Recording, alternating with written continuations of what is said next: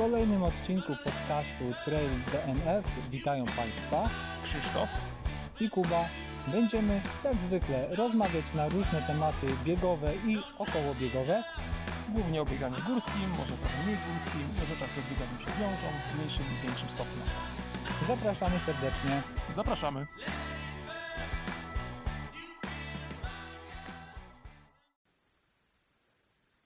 Witamy Was w eksperymentalnym odcinku podcastu Trail DNF nagrywanym przez telefon. Dzień dobry Krzyku. Dzień dobry, witamy serdecznie. Jest to odcinek zdalny. I czy my powiemy, co się stało właściwie, dlaczego my się nagrywamy przez telefon?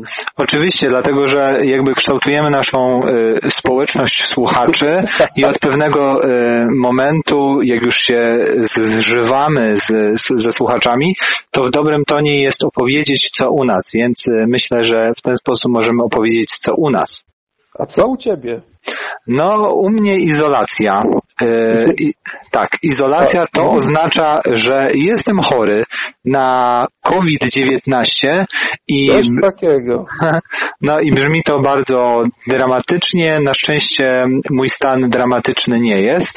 Yy, zaraziłem się od yy, znajomych co my teraz mamy? Mamy niedzielę, Tak. który dzisiaj jest, te, ten, tę niedzielę ze zmianą czasu. I ja troszeczkę... z- Piąty chyba. Okej, trochę straciłem rachubę przez to zamknięcie, przez tę izolację, więc nie do końca wiem, który dokładnie. 25 października e, zaraziłem się na początku ubiegłego tygodnia, po kilku dniach zacząłem mieć objawy.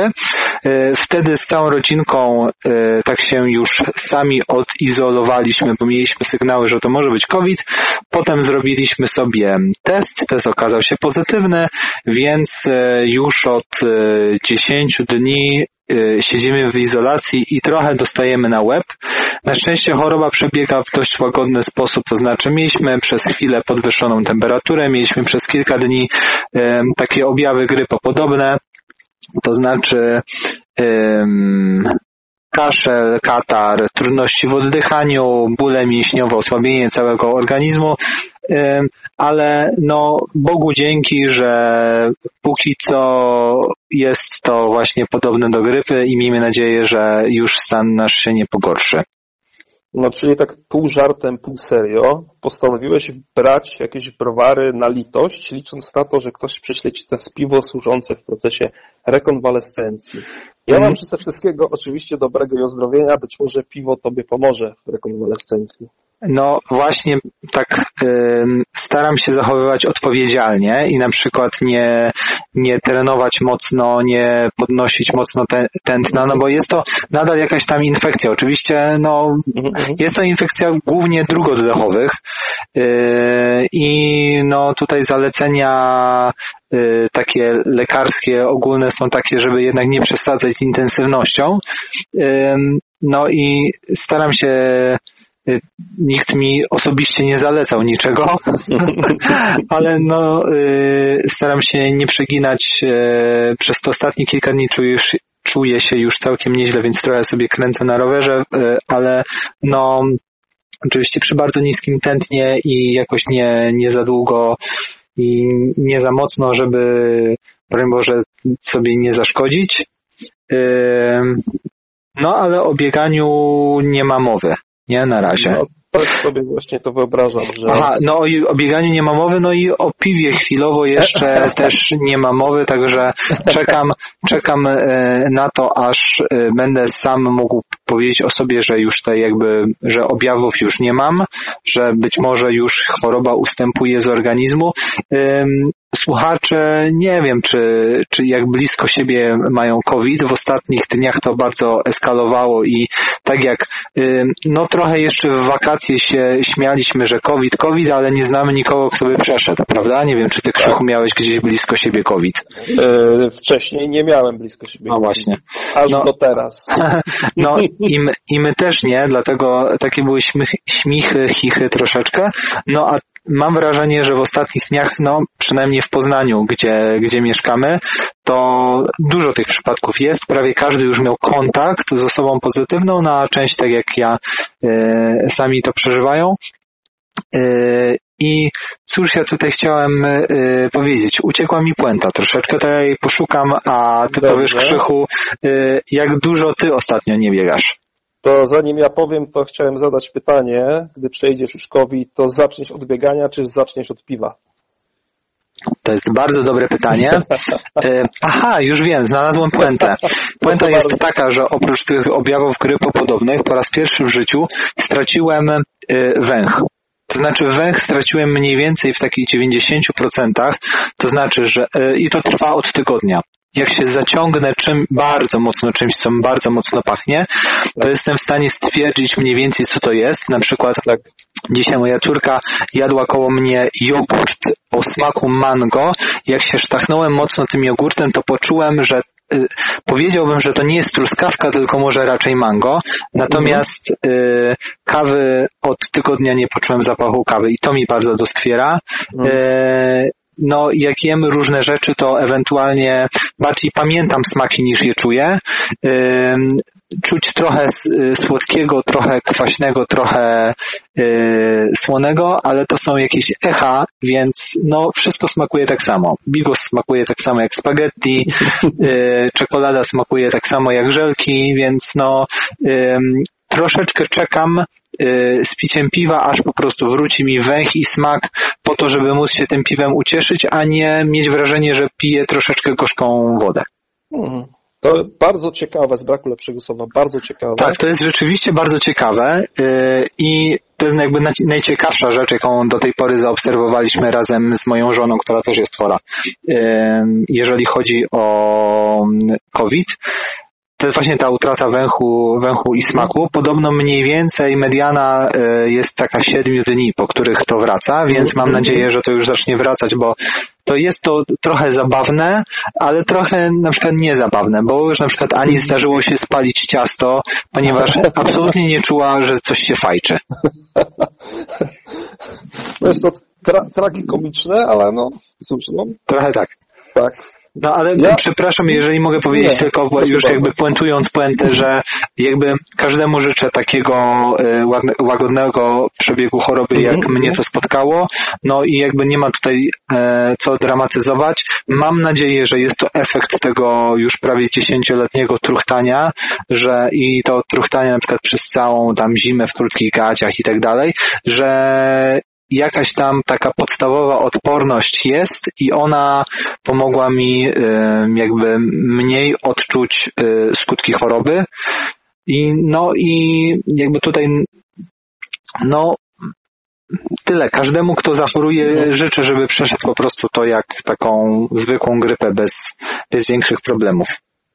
No dobrze, to ja Cię pocieszę, może o tyle, że co prawda ja COVID-u nie mam, przynajmniej nic o tym nie wiem. Smaku nie straciłem, węchu nie straciłem, ale od y, kilku, może nawet kilkunastu dni nie uprawiam żadnej kultury fizycznej od kilku dni siedzę zamknięty w domu, a to dlatego, że w przyszłym tygodniu mam e, pewien zabieg diagnostyczny, do którego się muszę przygotować i musiałem zrobić sobie badania krwi, musiałem wtedy wyjść z domu i ryzykować zetknięcie z COVID-em.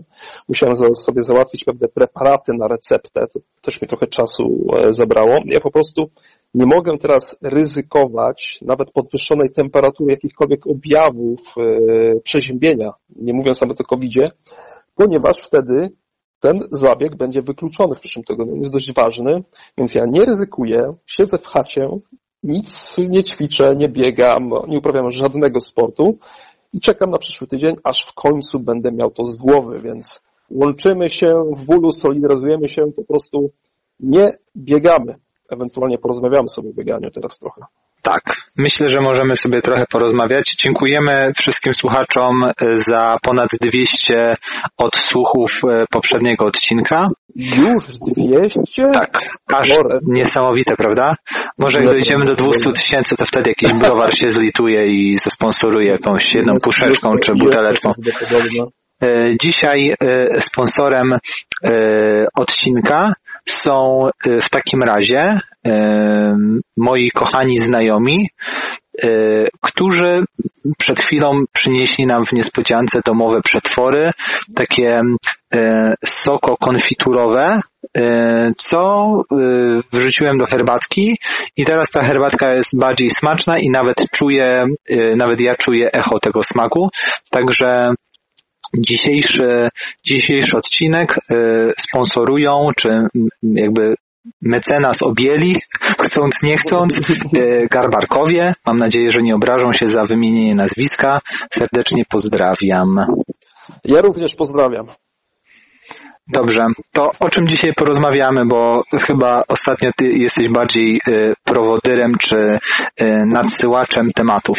Ja jestem nadsyłaczem tematów, coś takiego, bo prawdopodobnie słuchacze już zorientowali się, że jestem y, tym z rozmówców, który wie mniej o bieganiu, nie ma pomysłów na temat biegania i tak troszeczkę ja zawsze kontynuuję to, co ty rzucisz, to ty y, zawsze masz to podanie otwierające, ja próbuję się jakoś dostosować. Ja serwuję, Ja może- tak?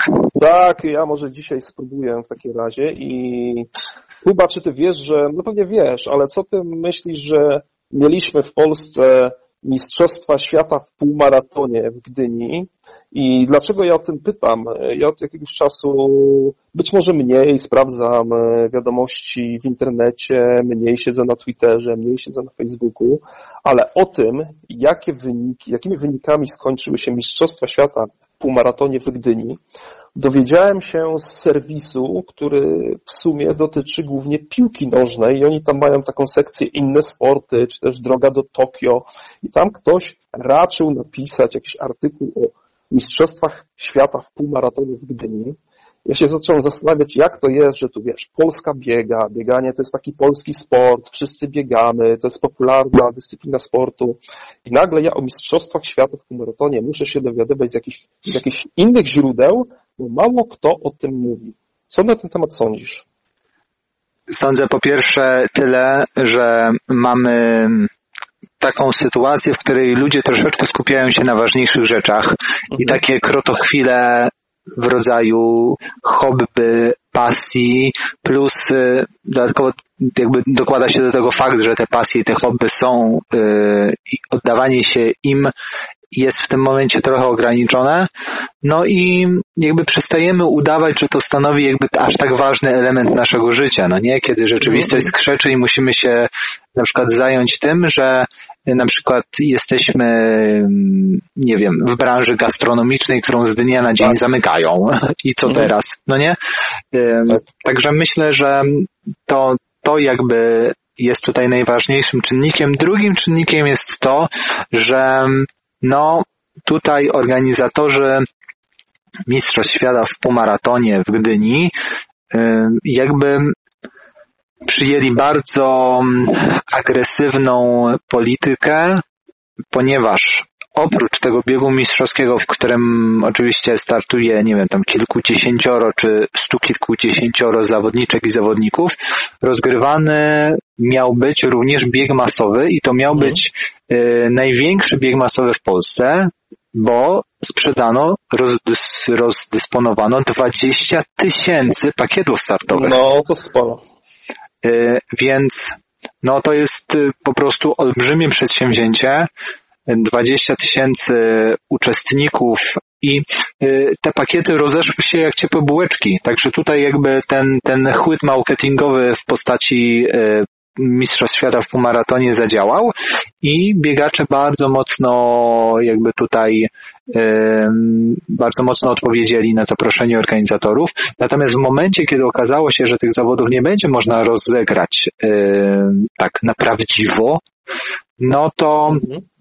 należało coś zrobić, prawda? No bo 20 tysięcy ludzi kupiło od nas pakiet. No i biegi w różny sposób sobie radzą, to znaczy zwracają wpisowe, albo przenoszą na następną edycję, albo proponują różne, różne rozwiązania.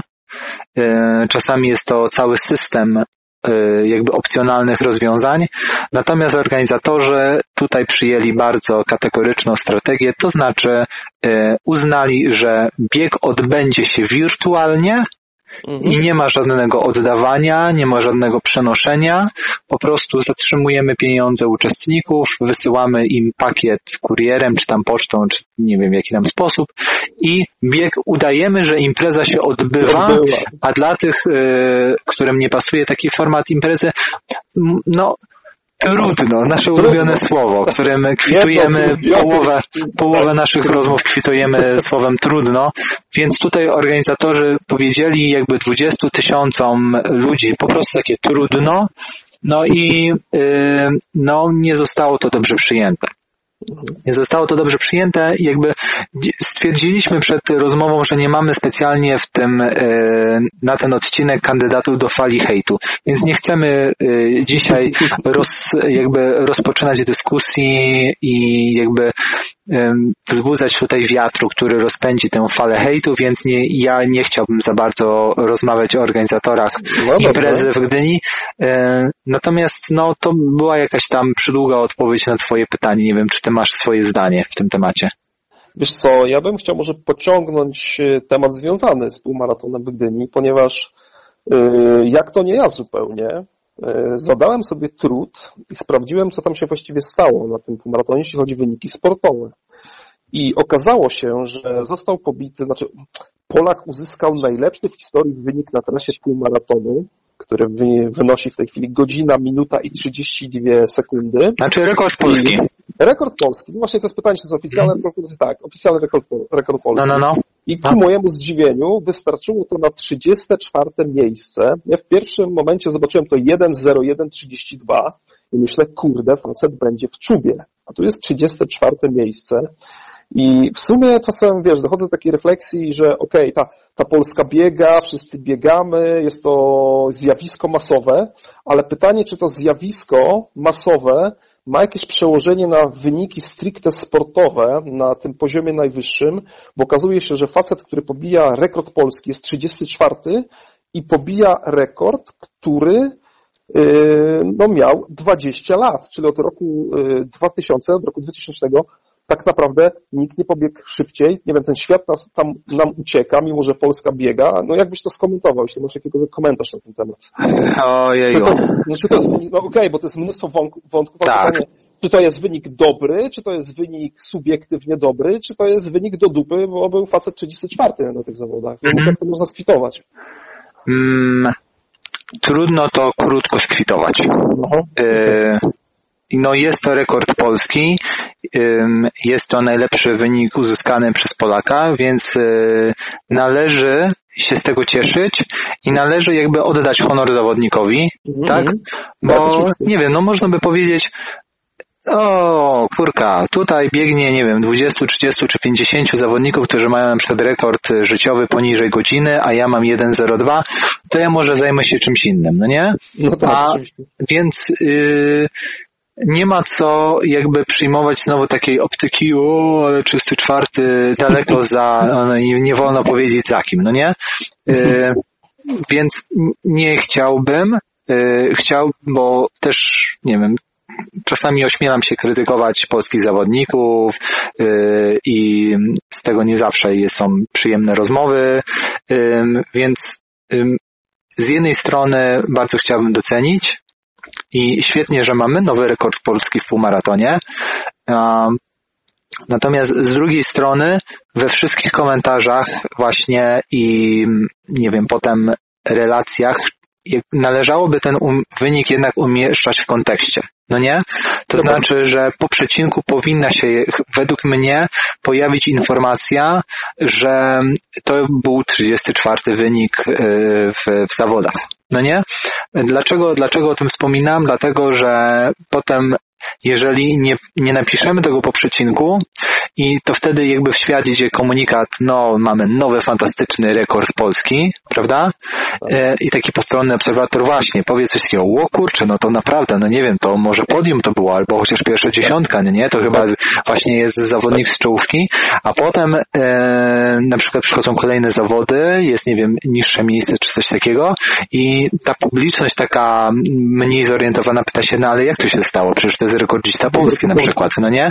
No ale my wtedy mówimy, no ale no właśnie on pobiegł na mnie na miarę swoich możliwości i no niestety, nie? I właśnie wtedy jest taki trochę cringe czasami i takie, takie y, małe zażenowanie, które właśnie wynika z tego, że na przykład ktoś chciał przedstawić wynik w bardzo dobrym świetle i nie umieścił go w kontekście. Ja przypominam sobie zachwyty i peany e, pod adresem e, naszych tych e, takich ukochanych biegaczy z pierwszych stron serwisów sportowych, czyli Kszczot i Lewandowski, tak. gdzie oni tam wygrywali jakieś tam halowe Mistrzostwa Europy czy coś takiego no nie? I tam było, o profesor, o jak on to rozegrał, po prostu no tutaj rywali po prostu zdeklasował na pewniaku, potem jeszcze w wywiadach jakby dalsze pompowanie takiego, takiego balonika, w którym zawodnik nie tylko wykonał, nie wiem, dobrą pracę, czy uzyskał dobry wynik, ale po prostu okazał się o tyle lepszy od rywali, albo jakoś tam tak. potwierdził swoją dominację, no nie? Po czym jakby z tego, z tego środowiska europejskiego przenosimy się na środowisko światowe i dochodzą zawodnicy z innych kontynentów i okazuje się nagle, że, że, że podobny wynik, który tutaj dał, nie wiem, pierwsze miejsce czy podium, no nie? Tak. Taki sam jakby, takiej samej klasy y, jakby bieg pod względem sportowym nagle daje szóste miejsce czy ósme miejsce w stawce, gdzie do, nie wiem, szóstego czy piątego było dosyć blisko, ale na przykład pierwsza trójka była zupełnie poza zasięgiem, no nie? I mhm. potem, i potem jest właśnie taki mały ząg, że ty, ty się pytasz, no ale jak to? Przecież on niedawno wygrywał z taką przewagą. Ja słyszałem w komentarzach, że to w ogóle była taka genialna robota, że w ogóle pozamiatane, no nie? No to coś tak. tu się stało? No właśnie, no nic się nie stało. Po prostu stawka zawodników tutaj była troszeczkę inna. Dlatego ja wolę mieć ten kontekst i wolę jakby nie, nie nabierać troszeczkę mylnego przekonania o, o jakby takim bezwzględnym poziomie sportowym. Rozumiem. No tak, to się trudno z Tobą nie zgodzić. Y, wiesz, no y, jednak jest to osiągnięcie o tyle, że jak wspomniałem, ten rekord miał 20 lat, więc po 20 latach ktoś w końcu poprawił ten rekord. No tak jak mówisz, y, no, w starciu ze stawką ogólnoświatową, ogólnie europejska lekkoatletyka, no to może chyba, wiesz, znaleźć miejsce do popisów tylko w Europie, ale nie poza granicami kontynentu. I taka jest chyba, no nie wiem, czy ostateczna konstatacja, ale trochę smutna w charakterze konstatacja. No i tyle, co to więcej powiedzieć. No, ja mam nadzieję, bo to Krystian Zalewski e, tak, pobił, pobił rekord polski w maratonie ja jakby szczerze kibicuję, żeby on się dalej rozwijał i żeby on na, na jakby coraz, waż, coraz większych, coraz ważniejszych, coraz mocniejszych zawodach zdobywał coraz wyższe miejsca, żeby, nie wiem, pobił rekord polski w maratonie, bo teraz no, no. E, z tego, co czytałem, szykuje się do maratonu. No, daj, Panie Boże, zdrowie, talent i jak największe możliwości i zawsze, nie wiem, będę trzymał kciuki e, i zresztą, no, my o tym rozmawialiśmy już 100 tysięcy razy, te słuchacze nie wiedzą, no bo nie jeżdżą z nami samochodem w górę.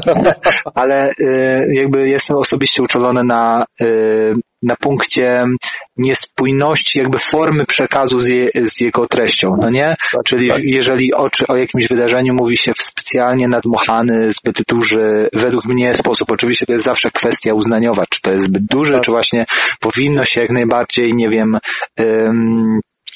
to akcentować i tak dalej. Czasami ja mam uczucie pewnego zgrzytu, dlatego, dlatego właśnie w tym, w tym przypadku e, no, taki jest mój e, ogląd sytuacji, że z jednej strony super, a e, jakby umieszczenie tego w kontekście, no nie, że to tak. jest tam 30 któreś miejsce na świecie, dla mnie wcale jakby nie umniejsza, nie deprecjonuje tego wyniku yy, czasowego, bo to jest nadal rekord polski. Nadal przez ostatnie 20 lat nikt nie pobiegł szybciej. Właściwie nigdy nikt nie pobiegł szybciej, no ale wiadomo o co chodzi, nie? Amen. Super. No to pięknie, nam tak pierwszy temat poszedł, że tutaj widzę 25 minut od początku odcinka i tutaj jest dokładnie to miejsce, gdzie ja na chwileczkę wcisnę pauzę i wstawię Dobrze. taki motyw dźwiękowy, co potem nam pomaga w obróbce odcinka. Okej. Okay.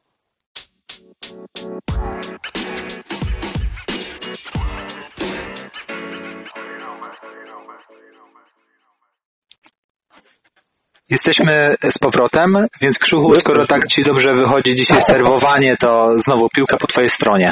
No dobrze, y, to ja mam taki temat trochę kontrowersyjny, bo zacznijmy od tego, że w naszym kraju przynajmniej jeszcze kilka lat temu pokutowało takie twierdzenie, że ten, kto ma pieniądze, to na pewno je ukradł i jest złodziejem. I ja chciałbym zapytać o pieniądze w ultra, a zanim zapytam o pieniądze w ultra, to przypomniałem sobie ostatnio taką sytuację. Otóż e, pięć lat temu byłem w spotkaniu z czołowym polskim zawodnikiem, z czołowym, absolutnym topem polskiego biegania w górach, który przygotowywał się do wykonania kolejnego kroku na drodze swojej wielkiej kariery. I pamiętam, że ktoś z publiczności zadał pytanie temu zawodnikowi, czy w jego kalendarzu startów znajdzie się start na Lavaredo. I umówmy się, że wyjazd do Cortiny to nie jest jakiś bardzo daleki wyjazd, żeby lecieć samolotem, to nie jest Western States, to nie jest bieganie gdzieś w Nowej Zelandii. I ów zawodnik, który wtedy już mógł się pochwalić wielkimi sukcesami, to było i jest do tej pory wspaniałe, wielkie nazwisko, troszeczkę się zafrasował i powiedział, hmm, musiałbym wziąć e, swojego, teraz już nie pamiętam, czy dietetyka, czy kogoś tam do pomocy i menedżera, czy menedżerkę, to były, były gdzieś dwie osoby, jeszcze mnie musiałby pojechać do tych Włoch. Potrzebowałbym, wtedy zawiesił na chwilę głos i stwierdził, no potrzebowałbym z jakieś 5 tysięcy złotych, a nie wiem, czy w naszym budżecie się takie pieniądze znajdą. Ja byłem troszeczkę zaskoczony między tym, no wiesz, w Polsce na pewno są pieniądze w piłce nożnej, pewnie w żużlu, a tutaj czołowy zawodnik frasuje się, kiedy słyszy pytanie w stylu, czy pojedzie i czy ma środki na wyjazd na Lavaredo. No i pytanie brzmi, czy w Polsce są pieniądze w ultra, czy można zrobić jakieś pieniądze w ultra, co mógłbym powiedzieć młodemu człowiekowi, który chce iść do sekcji piłki nożnej, ja mu powiem, nie chłopie, nie idź na piłkę nożną, zajmij się bieganiem w górach. I tak trochę wyprzedzając odpowiedź, wiemy, że były poważne pieniądze za wygranie Krynicy swego czasu. E, gdybym się super przygotował i chciał walczyć o pierwsze miejsce na biegu siedmiu szczytów na Dolnośląskim Festiwalu, co mi oczywiście nie grozi, miałbym szansę wtedy wygrać 2,5 tysiąca złotych. Na Zuku, gdybym wygrał, to pewnie, nie wiem, tam dostałbym jakieś kilkaset złotych czy tysiąc złotych. I pytanie, czy w ultra są pieniądze, jakie to są pieniądze i czy czołowi zawodnicy utrzymają się z biegania, czy muszą też pracować jako trenerzy, tudzież członkowie jakichś grup sponsorowanych przez firmy, czy też innych sponsorów. Jak wygląda sytuacja z pieniędzmi w ultra w Polsce? To jest bardzo trudne pytanie, ponieważ yy, należałoby mieć wiedzę hmm, no, bardzo, no, troszeczkę tajemną, no, bo jednak y, takie elementy umów sponsorów z zawodnikami czasami są po prostu tajone, albo sponsor mówi, no może nie chwal się do końca. Jasne. Y, to są no, jakieś tam umowy handlowe i no ani, ani zawodnicy o tym jakoś super specjalnie otwarcie nie, nie rozmawiają, ani sponsorzy się nie chwalą, że nie wiem, tyle i tyle płacą, takie mają budżety. Więc y, ja też nie jestem tutaj na tyle specjalistą, żebym miał nie, nie wiadomo jaką wiedzę na ten temat. No, y, ale mo, mogę postarać się pokusić o taką odpowiedź z gatunku, co mi się wydaje. No nie? To może, a może zróbmy tak, żeby też, wiesz, nie pojawiły się zarzuty, że próbujemy, że dwóch partaczy, amatorów, zazdrośników próbuje wyceniać profesjonalistów, to możemy pokusić się odpowiedzieć na pytanie, czy w Polsce da się po prostu z tego żyć, już abstrahując z tego, co każdy rozumie pod pojęciem da się żyć, bo dla kogoś Jasne, da się spoko. żyć to jest 15 tysięcy, a dla kogoś da się żyć to jest 2,5 kafla na przykład. I pytanie, no właśnie, czy z ultra w Polsce, czy są osoby w Polsce, które żyją z ultra? Może tak. Oczywiście już jakby można na to pytanie nie jest trudno odpowiedzieć, dlatego że sam fakt, że y, dwóch najbardziej utytułowanych w ostatnich latach y, zawodników, należących też do już nie tylko polskich teamów, ale teamów jakby światowych, to znaczy Marcin Świerc, y, który jest w teamie BAF i Bartek Przedwojewski, który jest w międzynarodowym teamie Salomona, to są zawodnicy, którzy trenują innych. No nie? Tak, tak. Więc to jest troszeczkę tak, że gdyby nie musieli, to pewnie by tego nie robili. No nie? Gdyby Tak. mogli się w 100% po prostu poświęcić y, bieganiu i spaniu, to prawdopodobnie by się poświęcali bieganiu i spaniu. No nie? To natomiast y, po, podobnie jest, y, mam wrażenie, z większością tych dobrych i bardzo dobrych i najlepszych zawodników. Mhm, mhm. E, To znaczy, trudno utrzymać się z samego biegania, czyli z pieniędzy uzyskiwanych od sponsorów, Tak. czy z nagród. No, już sam powiedziałeś e, kilka słów o poziomie nagród e, w polskich biegach.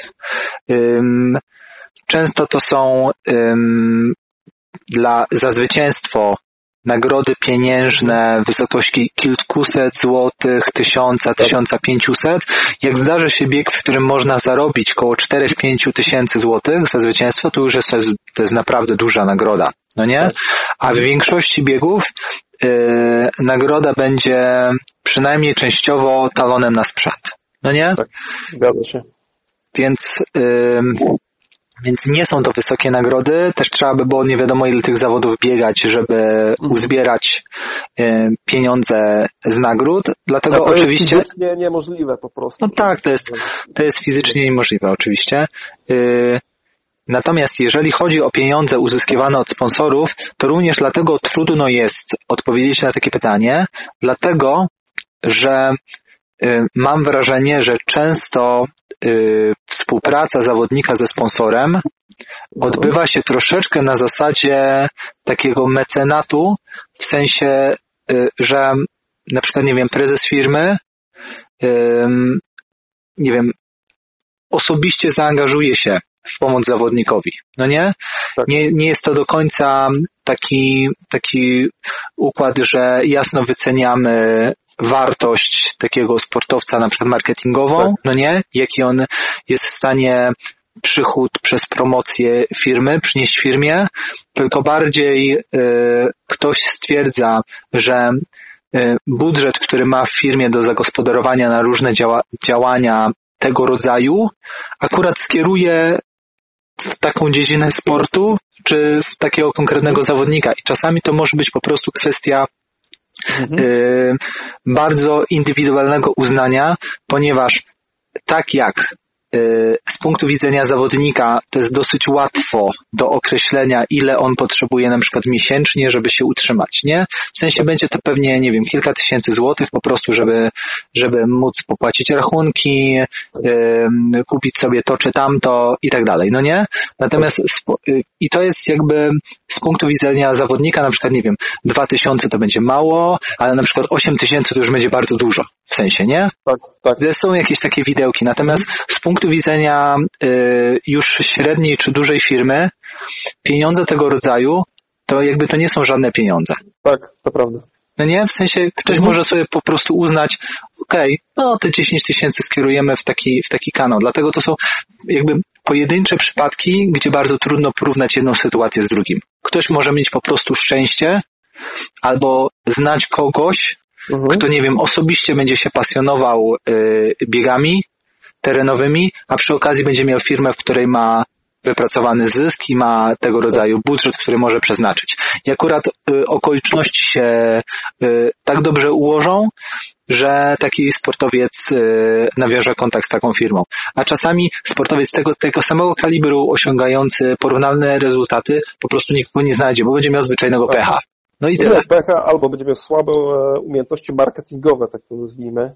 Mhm. Bo są ludzie, którzy sobie, sobie lepiej radzą wśród ludzi, a są ludzie, którzy sobie gorzej radzą wśród, wśród ludzi i pewnie nie ma bezpośredniego przełożenia zawsze między poziomem sportowym, a tym, co dany zawodnik jest sobie w stanie załatwić i jak. No, tak jak w różnych sytuacjach w życiu, to jest dokładnie to samo. Oczywiście. I tutaj dochodzi do tego jeszcze specyfika dyscypliny. No jakby to jest jeden z uroków y, dyscypliny młodej oraz niszowej. No po prostu nie ma w niej zbyt wielu pieniędzy, zbyt dużo pieniędzy, ponieważ mało kto się tym tak naprawdę interesuje z mainstreamu. No nie? Oczywiście istnieje środowisko biegaczy ultra, którzy są całym sercem oddani, tak? Gdzie, gdzie po prostu oni tym żyją i y, dla nich ci zawodnicy są prawdziwi idole i to jest super, oczywiście, to jest jak najbardziej normalne. Natomiast poza, poza tą niszą, no to biegi ultra no, nie nie istnieją za bardzo w mainstreamie i nie ma w nich dużych pieniędzy proste. Tak. Więc odpowiedź krótka na to pytanie. Wydaje mi się, że z samego biegania nie da się, przynajmniej w Polsce, utrzymać, dlatego zawodnicy i mają się innych rzeczy. No i pierwszą jakby naturalną, naturalnym kierunkiem, w którym, y, y, który może przynieść pieniądze, a który się łączy z tym bieganiem, jest oczywiście trenowanie innych. No, myślę, że to nie trzeba tutaj y, wiele, wiele myśleć, długo myśleć, żeby to wymyślić. Ja obawiam się, no może nawet nie obawiam się, ja po prostu myślę, że pieniędzy w bieganiu ultra dużych nigdy nie będzie, ponieważ nie jest to sport przeznaczony do takich ogólnych mediów, mass mediów. e, No, nie ma chyba pomysłu, nie ma możliwości, żeby w telewizji ogólnopolskiej pokazać bieganie ultra tak, żeby to było, e, to było atrakcyjne dla reklamodawców e, takich pierwszoligowych, żeby to trafiło do przeciętnego Polaka. Wiesz co, Krzychu, y, Nie, no, proszę Hmm? bardzo. z jednej strony powiedziałbym, że tak. Że jakby z, y, zgodziłbym się z tobą, Mhm. natomiast na przykład fenomen skoków narciarskich jest, myślę, E, jest, jest jaki pokazuje, że dyscyplina, która jest naprawdę niszowa, ponieważ no, nikt z nas nie pójdzie na skocznie i nie zacznie skakać na nartach. No, to nie jest rzecz, którą my możemy sami też robić. To nie ma żadnego ruchu amatorskiego. Jest tych skoczków w Polsce, nie wiem, kilkudziesięciu albo kilkuset, a, a poza tym cała reszta, no to po prostu, nie wiem, no, patrzy i, I tyle, sama tego nigdy nie będzie robiła. A jednak w tych skokach coś się stało, że po prostu wszyscy siadają przy telewiz- przed telewizorami i oglądają Małysza. No, no, jakoś to chwyciło, no nie? Więc z drugiej strony nie ma też żadnego jakby powodu, żeby na przykład biegi terenowe nie mogły tak samo chwycić. Może tutaj zadziałała magia jakby osobowości, osobistości y, zawodnika, który znalazł się nagle na, y, na, na najwyższych stopniach podium. Tak. Jak sobie patrzę na relacje, które y, robi Salomon z biegów y, Golden Trail Series, no to jest to atrakcyjne. Są piękne góry, jest to bardzo blisko pokazane, w takim sensie, że można to śledzić jako zawody sportowe, one też nie są Tak. specjalnie duże, długie, 2-3 godziny. No, masa ludzi ogląda wielkie tury kolarskie. Ja sam y, przez ostatni tydzień oglądałem kilka etapów Giro d'Italia i, i, i hiszpańskiej Vuelty. Y, I można siedzieć godzinami, jak są fajni komentatorzy, oni tam opowiadają, tam się coś dzieje, zyskasz jakieś podstawowe rozeznanie na, na temat kolarstwa i tego, co się dzieje w wyścigu, no to oglądasz to z przyjemnością. I tutaj tak samo, tak samo też jak się ogląda na przykład uliczny maraton, no dwie godziny biegają po mieście, no też można Tak. powiedzieć, no nic się nie dzieje, no nie? Więc w podobny sposób niewiele się dzieje w, w takim biegu Golden Trail Series. To nigdy nie będzie mecz piłkarski, e, ale z drugiej strony mogłoby się to przedostać do mainstreamu. Może, jeżeli udadzą się te wszystkie wysiłki e, w kierunku włączenia biegów trailowych w program Igrzysk Olimpijskich, może, może wtedy, może, no nie wiem, może czasami to jest dziełem przypadku, jak tutaj y, i zbiegu okoliczności, jak w przypadku skoków narciarskich. Myślę, że tutaj nie jedna praca magisterska czy doktorska powstała na ten temat, jak to się stało. Ja sam nie umiem odpowiedzieć, jak, jak to się stało, ale stało się. To ja spróbuję się trochę z Tobą nie zgodzić i może częściowo, nieudolnie spróbuję wytłumaczyć, na czym polega fenomen skoków narciarskich. Otóż e, tam jest jednak o wiele więcej emocji skumulowanych e, w takich krótkich odstępach czasu. To czy chodzi o to, że mamy tę pierwszą rundę, która z tego, jeśli pamiętam dobrze, ostatnio wygląda tak, że jest runda KO, czyli runda, któryś z tych dwóch skoczków musi wygrać. Skacze jeden, skacze drugi i momentalnie w ciągu kilkudziesięciu sekund dochodzi do jakiegoś rozstrzygnięcia.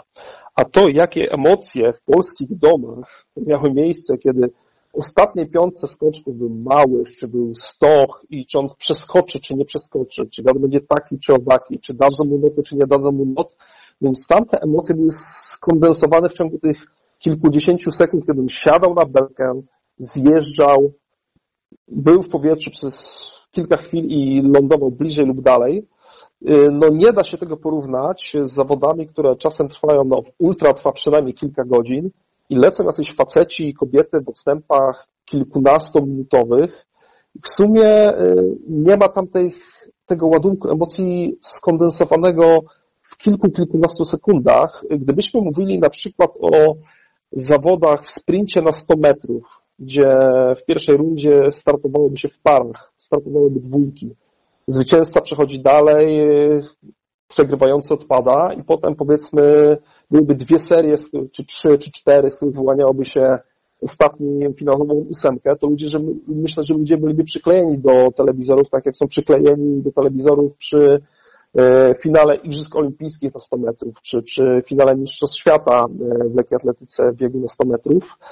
E, tak, wydaje mi się, że nie ma szans przyciągnąć do telewizorów tak wielkiej publiczności. Wspomniałeś o Golden Trail Series i to są zawody rozgrywane gdzieś w pięknych górach na całym świecie, ale wyobraź sobie relacje z zawodów w Polsce, w Krynicy, jeszcze powiedzmy mamy pecha i wtedy pada deszcz, jest zachmurzenie, no myślę, że to nie wytrzymałoby z oczekiwaniami e, fanów sportu, którzy czekaliby na jakieś emocje i chcieliby się zainteresować bieganiem w górach. Wyobrażam sobie, że siada mój wujek, siada moja ciotka, siada mój ojciec, siada moja mama, patrzą na to i po 7 minutach rzeczywiście jest konstatacja, nic się nie dzieje. Nie, nie, nie, ale to ja nie mam złudzeń. To y, ja teraz, y, jeżeli myślę o przedostaniu się do jakiegokolwiek mainstreamu, to chodzi mhm. mi o właśnie największe biegi na elita i to nie ultra, tylko właśnie takie biegi, no nie wiem, dwie, trzy, dwie, trzy godziny, no. To tu się ewentualnie mogę zgodzić. Y, ja też się zgadzam z tym, że kolarstwo jest wielkim, wielkim fenomenem, jeśli chodzi o media którego ja osobiście nie rozumiem. E, mój brat jest wielkim fanem kolarstwa i razem z nim miałem przyjemność, dla mnie może wątpliwą przyjemność e, oglądania kilku etapów Tour de France. E, muszę mu oddać, że on bardzo, w sposób bardzo ciekawy potrafi opowiadać na temat tego, co się akurat dzieje i to mnie trochę ratowało. Natomiast ja sam chyba bym sam siedząc tutaj w domu teraz z kotami, nie wychodząc nigdzie, no nie przyszło mi do głowy, żeby odpalić sobie wyścig kolarski, obejrzeć jak oni tam jadą, bo po prostu to wydaje mi się, mi osobiście, mi osobiście podkreślam, bardzo nieinteresujące. Ale w kolarstwie wiadomo, są wielkie pieniądze, są e, miliony fanów, jest, e, są relacje w telewizjach e, ekstraklasowych. No ale to bieganiu górskiemu chyba jednak nie grozi. I dlatego wielkich fortun w bieganiu w górach nigdy nie będzie. No to chyba tyle ode mnie. Tak, myślę, że nie grozi i myślę, że nie będzie. No, czy przechodzimy do kota odcinka? Bardzo proszę. Może, żeby nie przegadać, bo oczywiście każdy z tych tematów jest taki, że możemy tak. pociągnąć jeden z dziesięciu wątków pobocznych, e, tak. ale no, kot czeka i tutaj znowu e, przyznam słuchaczom, że ja jakoś się specjalnie nie starałem, bo Krzychu wyszedł z propozycją i może ja zrobię wstęp dla ciebie. Proszę bardzo, zrób wstęp. Bo pewnie jeżeli będzie słuchał y, tego podcastu ktoś z Warszawy, czy z Krakowa, czy z Przemyśla, czy z Los Angeles, bo, czy z Chamonix. Tak, bo 1% słuchaczy mamy ze Stanów Zjednoczonych. Pozdrawiamy tych dwóch słuchaczy. Y, no to powie, Food, bo to kto to jest, nie? Who is it? Ale słuchajcie, no każdy ma pewnych swoich lokalnych bohaterów yy, i my również takich mamy i są to ludzie, których znamy osobiście z przybicia piątki yy, i dlatego czasami bardziej nas jara to, co jest blisko, a co my, nie wiem, znamy smak, znamy człowieka z, z twarzy, rozmawialiśmy i mm, potrafimy się bardziej odnieść niż coś, co się dzieje, jakby może nawet na wyższej półce sportowej, ale jednak troszeczkę dalej od nas, więc yy, proszę bardzo. Dobrze, to ja też wstęp może zrobię, ponieważ yy, jednym z potencjalnych tematów na dzisiaj był nieśmiertelny, bo on zawsze coś robi, Kilian.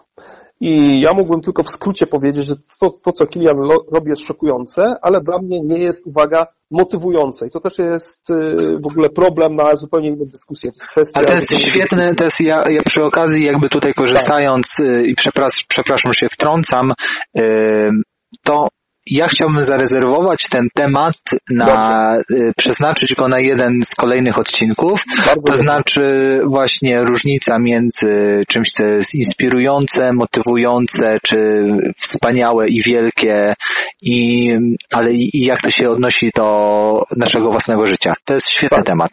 To jest świetny temat, ponieważ klient coś tam szybko pobiegł. Mogę stwierdzić, że to jest kosmos, ale nie spowodowało to chęci u mnie jakiejkolwiek wyjścia na trening, czy przemodelowania mojego treningu, czy zastanowienia się, hmm, co powinienem zrobić, żeby biegać inaczej, czy lepiej. Mhm. A teraz przechodzimy do kata odcinka.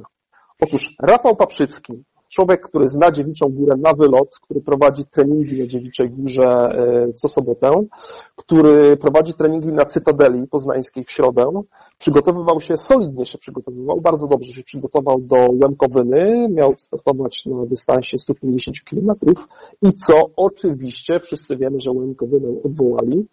I w takich okolicznościach Rafał Paprzycki pojechał na Dziewiczą Górę i stwierdził, że spróbuje się zorientować, ile jest w stanie przebiec kilo, kilometrów w ciągu 24 godzin na Dziewiczej Górze. W ciągu 24 godzin na Dziewiczej Górze zrobił, z tego co pamiętam, 158 kilometrów i zrobił około 6 tysięcy przewyższenia, co jest dla mnie o tyle szokujące, że trasa te, te, te, tego jego przedsięwzięcia no zawiera się na przestrzeni, na powierzchni, nie wiem, czterech, sześciu kilometrów kwadratowych, pięciu, może nie więcej.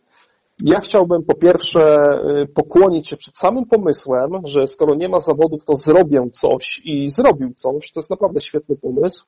I samo wykonanie to też y, bije brawo, ponieważ to jest porządny wynik, to jest porządny dystans, to jest porządne przewyższenie. I tu są podwójne brawo dla kota odcinka, którym zostaje Rafał Poprzycki. Tak, to ja może mały wtręt na temat tej dziewiczej góry i tak dalej, bo czasami ją wspominamy w naszych, e, w naszych podcastach. E, Jest to niewielkie wzniesienie od e, jakby od parkingu, od najniższego miejsca do szczytu to jest 40 parę metrów.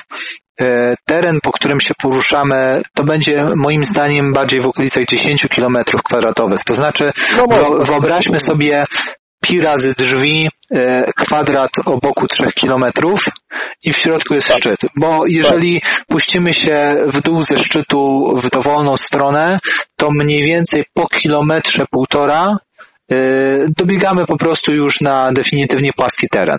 No nie? Tak, Także tak. teraz e, wyobraźcie sobie taki kwadrat e, w środku, które, o boku 3 km, w środku którego jest szczyt. Na ten szczyt e, wiedzie kilka lub kilkanaście ścieżek, mniej lub bardziej pokręconych. One oczywiście jakoś tam się łączą, rozdzielają i tak dalej. No, ale nie da się ukryć, że no Cały obiegnięcie... czas biegamy na jeden pagór. To jest ten Tak. sam pagór przez 24 godziny. I oczywiście było to wyzwanie fizyczne i pewnie logistyczne, bo musiał sobie zorganizować odżywki gdzieś tam na parkingu, ale ja przede wszystkim jest pod, jestem pod wrażeniem psychy tego człowieka, który trenuje non-stop na dziewiczej, zna każdą ścieżkę na dziewiczej, a teraz się katował 24 godziny na tej samej dziewiczej, co dla mnie pewnie psychicznie było, abstrahując z tego, że obecnie nie jestem w formie, żeby to fizycznie walnąć, ale psychicznie byłoby to dla mnie nie do zniesienia, więc no wielkie uznanie, naprawdę. Tak. Y, Zdecydowanie tak. I to ja jeszcze tutaj troszeczkę, tak jak nie mam żadnych wątpliwości co do dystansu, w sensie, że tam było ponad 150 Tak. kilometrów, zastanawiam się troszeczkę nad przewyższeniem. E, tak. Tutaj 6 tysięcy wydaje mi się, em, znaczy to jest bardzo dużo. Być jest może bardzo tyle było.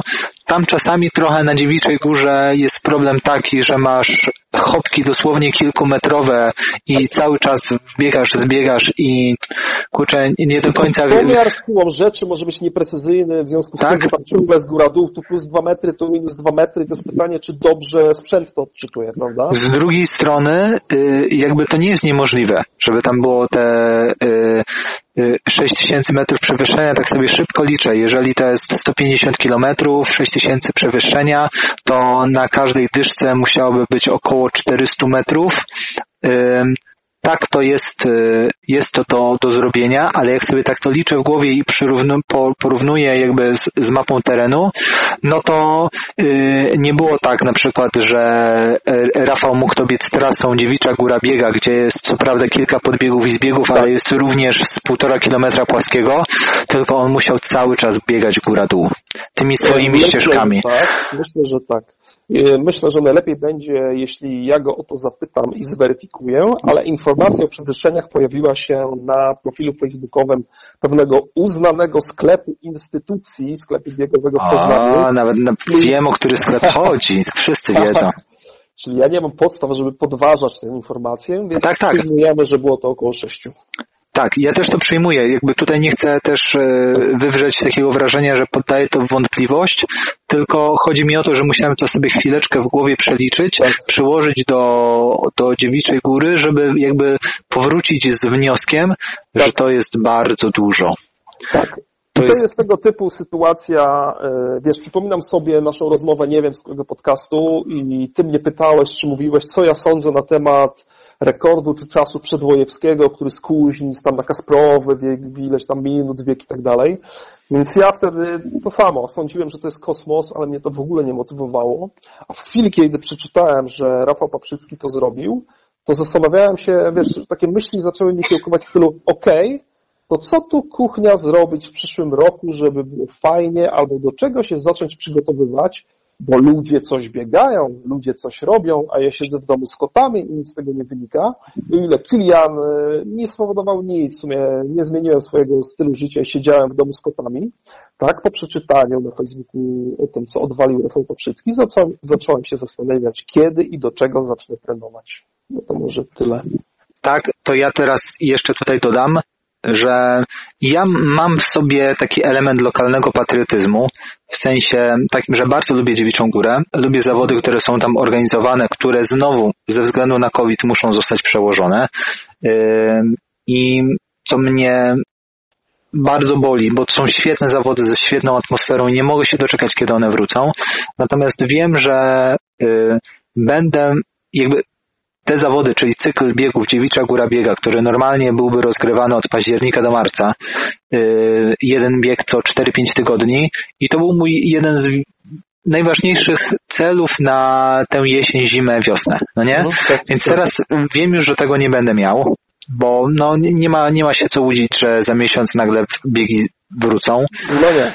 Yy, Ja w to nie wierzę, chociaż może rzeczywistość po raz dziesiąty w tym roku mnie zaskoczy.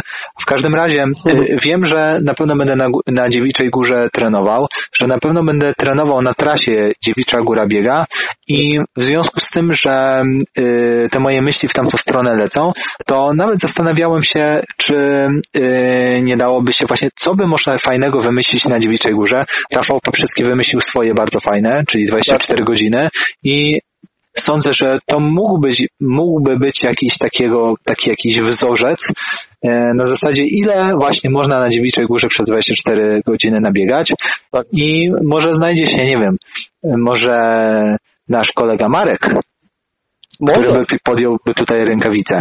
Myślę, że paru chętnych się już tam gdzieś przygotowuje, przynajmniej mentalnie. No? Może Michał Linkowski. Zobaczymy. Zobaczymy. E, Nie wiem, czy znany jest Ci format taki amerykański Big Backyard Ultra. Nie, cóż to jest? To jest wymysł tego kolesia, który organizuje Barclay Marathons. O, to na E, pewno jest coś dzikiego w I takim pan razie. Lazarus Lake wymyślił, że y, jest taka trailowa pętla, ona tam ma około 7 kilometrów i zawody polegają na tym, że musisz ją pokonać raz w ciągu godziny Tak, i w ciągu kolejnej godziny znowu raz tak. i w ciągu kolejnej godziny znowu raz. I tak do ostatniej osoby, która wytrzyma. O, No nie? Jakby i założeniem jest to, że po prostu w, w każdej godzinie musisz ją raz pokonać. No nie? Y, więc to jest wyzwanie na kilkadziesiąt godzin. Tam się y, zbiera tych kilometrów, nie wiem, 200, 300 czy 400. I Strzelam z głowy, bo zupełnie jakby mnie to bliżej nie interesowało, ale sam taki pomysł, że na przykład startujesz na Dziewiczej Górze z bazy i musisz w ciągu Tak. każdej godziny raz pokonać trasę Dziewicza Góra Biega. Nie? Tak. I to jest twój interes, czy się spieszysz, a. Już tak po prostu snujesz, nie wiem, 55 minut, odpoczywasz 5 minut i robisz to w kółko. Nie? I to Tak. nie wiadomo, co jest lepsze. Tak, no więc jakby pomysłów jest na pewno sporo. Tak. E, I masz rację, że tego rodzaju e, wydarzenie, ponieważ ono dotyczy nie tylko kogoś, kto kogo znasz, ale odbywa się w miejscu, które znasz i zaczynasz sam jakby siebie tam wkładać, jak takiego tego ludzika na, na Google, że można tam położyć ludzika i nagle zobaczyć, co ten ludzik tam widzi. I siebie umieścić w podobnym kontekście i pomyśleć, a, a co ja bym na przykład mógł zrobić, no nie? Bo ja y, na ostatnim treningu y, znaczy, w ciągu ostatnich kilku tygodni, czy teraz już będzie może dwóch, trzech miesięcy, trzy razy zrobiłem sobie taki y, swój trening na Dziewiczej Górze, gdzie zawsze trening y, lecę w ten sam sposób i w trakcie tego treningu w trzech odcinkach pokonuję trasę Dziewicza Góra Biega. No nie? Więc Tak. potem mogę sobie sumować czas tych trzech szybszych odcinków i zobaczyć, ym, jaki, jaki ten łączny czas dałby mi na przykład y, wynik na, na całej trasie. No nie? I, ost- I pobiegłem to trzy razy, za każdym razem coraz szybciej, cały czas wolniej od mojego rekordu y, osobistego na, na tej trasie, ale już wiem, że będę się starał dalej trenować na Dziewiczej Górze, nadal, nie wiem, połączyć te, te trzy fragmenty w jeszcze lepszy czas i w pewnym momencie być może, kiedy ten łączny czas da, da czas lepszy niż mój rekord życiowy, może po prostu samodzielnie postarać się w takiej próbie czasowej pobiec, pobiec tę, tę trasę. Dobrze. Trzymam kciuki. Tak na marginesie my jesteśmy trochę skazani na dziewiczą. To nie jest tak, że my chcemy trenować na dziewiczej, my trochę musimy tutaj w Poznaniu trenować na dzie- dziewiczy, czy o czym mówiliśmy w jednym z e, podcastów nagrywanym jakoś w miesiącach, późna wiosna albo lato, nie pamiętam już dokładnie. Tak czy owak, ja też czekam, aż się przyjadę na dziewiczą, może już niedługo, taką mam nadzieję. Tak, mamy nadzieję żyjemy tą nadzieją. Dzisiaj pisałem na, na swoim blogu, że no, każdy z nas odczuwa w ostatnich tygodniach czy miesiącach takie em, taką swoistą postać kwarantanny czy izolacji. W sensie myślę, że myślę, że większość, jeżeli nie każdy, ma uczucie, że go czegoś pozbawiono, że musi się w jakiś sposób ograniczać, że nie jest w pełni wolny, no i można się albo poddać tym myślom i się tak coraz bardziej zabadać w sobie, albo znaleźć jakiś punkt zaczepienia, nie wiem, yy, który, który pozwoli tobie przetrwać, robiąc coś, no nie? Tak. I doczekać tych lepszych czasów. Ja wiem też, że naprawdę dla, dla po prostu dla, chociażby dla jaj, bardzo bym chciał spróbować yy, wbiec na ście, znaczy wbiec, pewnie wejść na śnieżkę Skarpacza yy, i zobaczyć ile czasu y, zajmie mi to, co Bartkowi Przywojskiemu zajęło tak niewiele. Okej. Nie, nie, bo chciałem w pierwszym momencie powiedzieć, że jadę z tobą, ale gdy powiedziałeś, że chcemy to porównywać do Bartka Przedwojewskiego, to już mi się chyba tak bardzo nie chce jechać. Oj, oj, coś wymyślimy. Będzie pan zadowolony. Będzie pan zadowolony. E, dobrze. A wiesz co, ja chyba wymyśliłem coś krótkiego na krótką falę hejtu. Nie, nie, wiem, czy my już powoli kończymy, czy nie kończymy, ale chciałbym się zmieścić z falą hejtu. Kończymy powoli, ale dajmy sobie kilka minut na taki już temat dla rozluźnienia na koniec. Więc jestem y, jakby jestem na tyle ciekawy tego, co wymyśliłeś, że choćby dla samego faktu, żeby, żeby to, to usłyszeć, to No puśćmy to. To nie jest jakoś wielce sportowe ani biegackie, bardziej podcastowe, a mam takie pytanie podchwytliwe dla Ciebie. Czy Ty myślisz, że jesteśmy jedynym podcastem, który jest nagrywany przez telefon? Na pewno nie jesteśmy jedynym podcastem, y, jesteśmy. który jest nagrywany przez telefon, ponieważ tych podcastów jest tak wiele, że sama, sama liczba czy masowość tego zjawiska Tak. y, każe mi sądzić, że niektóre z nich są nagrywane na telefon. No ale wydaje mi się, że jednym z jakby takich wyznaczników potem y, y, jakości, czy klasy, czy też szacunku dla słuchacza jest to, że no te podcasty będą potem nagrywane w lepszych warunkach. Jak na przykład nasi y, koledzy z Wrocławia, których y, nieodmiennie pozna, y, pozdrawiamy, niepoważne treningi podcast i Tak. tam na przykład oni mają poważne mikrofony i program Tak. do obróbki audio i to Jest- zupełnie inna półka niż nasze telefony. Uwaga, gdy, nie, gdy, gdy, nie, nie gdy, jeśli, jeśli wygram jakieś zawody i dostanę pieniądze za wygranie zawodów, to część nagrody bądź całą nagrodę, w zależności jak będzie to wysoka nagroda, przeznaczę na mikrofon. Co ty na to?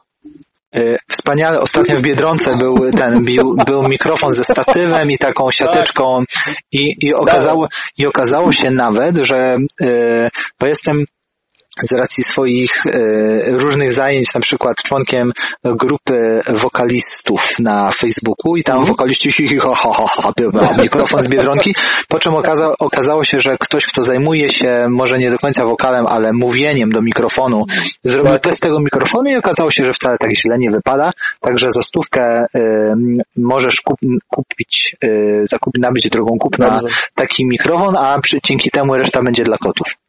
Najpierw muszę coś wygrać. A teraz przechodzimy do fali hejtu. Otóż y, ja słucham pewnego podcastu, który dotyczy innej dyscypliny sportu i mm, jeden z rozmówców nagrywa się, jak Pan by przykazał, siedzi tam gdzieś przy komputerze z mikrofonem i słychać go doskonale. A drugi z rozmówców za każdym razem łączy się te telefonicznie. Mało tego, że łączy się telefonicznie, to jednocześnie prowadzi pojazd mechaniczny. Może On jest prowadzi- na przykład zawodowym kierowcą nie wiem, nie wiem. Ja podejrzewam. albo taksówkarzem.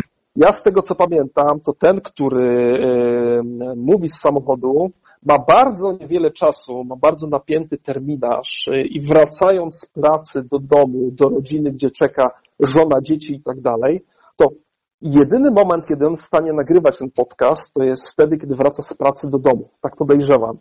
I oni rozmawiają, ten facet, wiesz, prowadzi samochód, e, dzwoni, e, rozmawia za pomocą telefonu. Często się to wszystko zrywa, szukają się, halo, halo, czy jesteś w tunelu i tak dalej. Ma to w pewnym sensie swój urok. Ja podejrzewam, że oni tego nie zmienią, bo to jest taki troszeczkę znak firmowy tego podcastu, ale to, że gość prowadzi samochód, gada przez telefon, to jest tak samo mądre, jak dziennikarze tego jednego z największych portali internetowych w Polsce, którzy robią audycję z gościem, który jest albo jest awatarem, prowadzą rozmowę jeżdżąc autem. Dla mnie jest to idiotyczne, chciałbym to zhejtować i chciałbym podkreślić, że ja tutaj siedzę, nie prowadzę pojazdu mechanicznego, siedzę grzecznie z kotami nie stwarzam zagrożenia na drodze. Wiesz co, No to y, tyle. Wiesz co to, to chyba bierze się troszeczkę y, z popularności takich programów y, z za wielkiej wody, że tam w pewnym momencie ktoś uznał, że to będzie fajne, jeżeli, jeżeli nagramy program, o tak, po prostu, że ktoś z kimś jedzie samochodem i oni rozmawiają i wtedy wynikają ciekawe rzeczy, no ale zróbmy z tego teraz program. Y, I to jakby jestem w stanie się do tego jakby odnieść, w sensie z- zrozumieć na tyle, że y, również pomysł naszego podcastu troszeczkę wyszedł od y, naszych rozmów samochodowych. W sensie, że. W sensie, że jakby no taka właśnie mm, sytuacja stwarza przestrzeń do rozmowy i Mhm. nic dziwnego, że tutaj powstał pomysł, żeby po prostu to nagrać. Natomiast y, masz rację w tym względzie, że no stwarza to zagrożenie. To znaczy, kiedy my sobie jedziemy samochodem w góry i nagle coś się dzieje, no to oczywiście przestaje, przestajemy Tak. gadać i nie wiem, ten, który kieruje, zajmuje się tym, co się dzieje na, na drodze. Ale w Tak. momencie, kiedy to jest nagrywany jest program i nie daj Boże, on leci jeszcze na żywo, no nie? Więc wtedy masz, no, kurczę presję, że jesteś troszeczkę w pracy, a ona bardziej polega, to już nie jest tak, że ty gdzieś jedziesz i przy okazji jest Tak. jakaś rozmowa czy program, Tylko tylko ty ty robisz a przy okazji prowadzisz, co jest No i- bez sensu.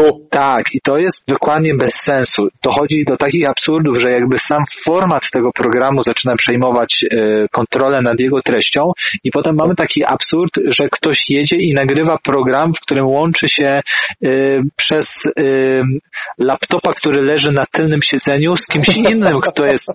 Nie, to, to no jakby e, coś tutaj, coś gdzieś poszło nie tak, no nie? Bardzo nie tak. Tak. Mm. To ja jakby surfuję na tej fali hejtu, ja to zdecydowanie nie, nie, nie, nie zatrzymuję, tutaj nie stawiam tamy, ale jak najbardziej, najbardziej chciałbym, żeby to się rozlało.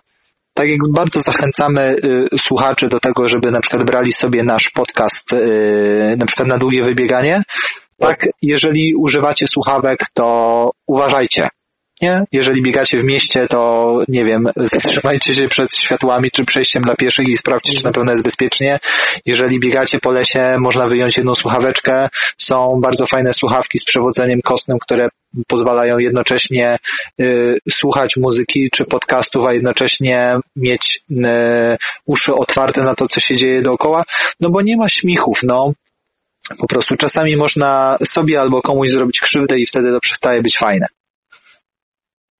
Tak, mogę Ale się pod tym podpisać. Jejku, miało być jakoś lżej na koniec, co się zrobiło ogóle Nie, nie. odezwy dotyczące bezpieczeństwa i tak dalej. Słuchaj, takie są czasy, że nie może być śmiesznie. Teraz wszystko, jak widzę, dzieje się na poważnie i nie wiem, być może to jest ten moment, kiedy powinniśmy zmierzać powoli do końca, bo zaraz się może zrobić śmiertelnie poważnie. Tak, to tak, tak, to my zmierzamy do końca. Słuchaj, ty będziesz miał teraz y, z minutkę na wymyślenie, y, kogo chcesz pozdrowić, Mhm. a ja tutaj jakby tak y, spróbuję troszeczkę zamknąć. To znaczy, y, tradycyjnie, drodzy słuchacze, jeżeli macie jakiekolwiek uwagi na temat y, tego podcastu, propozycje tematów, chcecie się podzielić swoim zdaniem albo w jakikolwiek y, sposób skomentować to, czego słuchacie, zapraszamy do tego serdecznie. Najłatwiej jest to zrobić y, na Facebooku, w komentarzach y, czy w wiadomości prywatnej wysłanej y, do mojego bloga, czyli Do Things Always. Y, Można mnie znaleźć osobiście. Y, Wiecie, jak się nazywam? Wiecie, gdzie mieszkam? Y, I co? Chciałem powiedzieć? Aha, jeżeli chodzi o jakość tego nagrania, no bardzo przepraszamy, ale mogliśmy tego wcale nie zrobić, albo mogliśmy zrobić to w takiej formie, więc mamy nadzieję, że wybaczycie nam to, że być może prawdopodobnie gorzej się nas słucha, kiedy rozmawiamy ze sobą przez telefon, ale możecie również rzucić to na karp tego, że być może jest to dla nas jakiś, jakiś element, e, nie wiem, na przykład autoterapii związanej z e, przymusową bądź półprzymusową izolacją od świata. Tak. Ja teraz już wiem, kogo, kogo chcę pozdrowić. Bardzo proszę.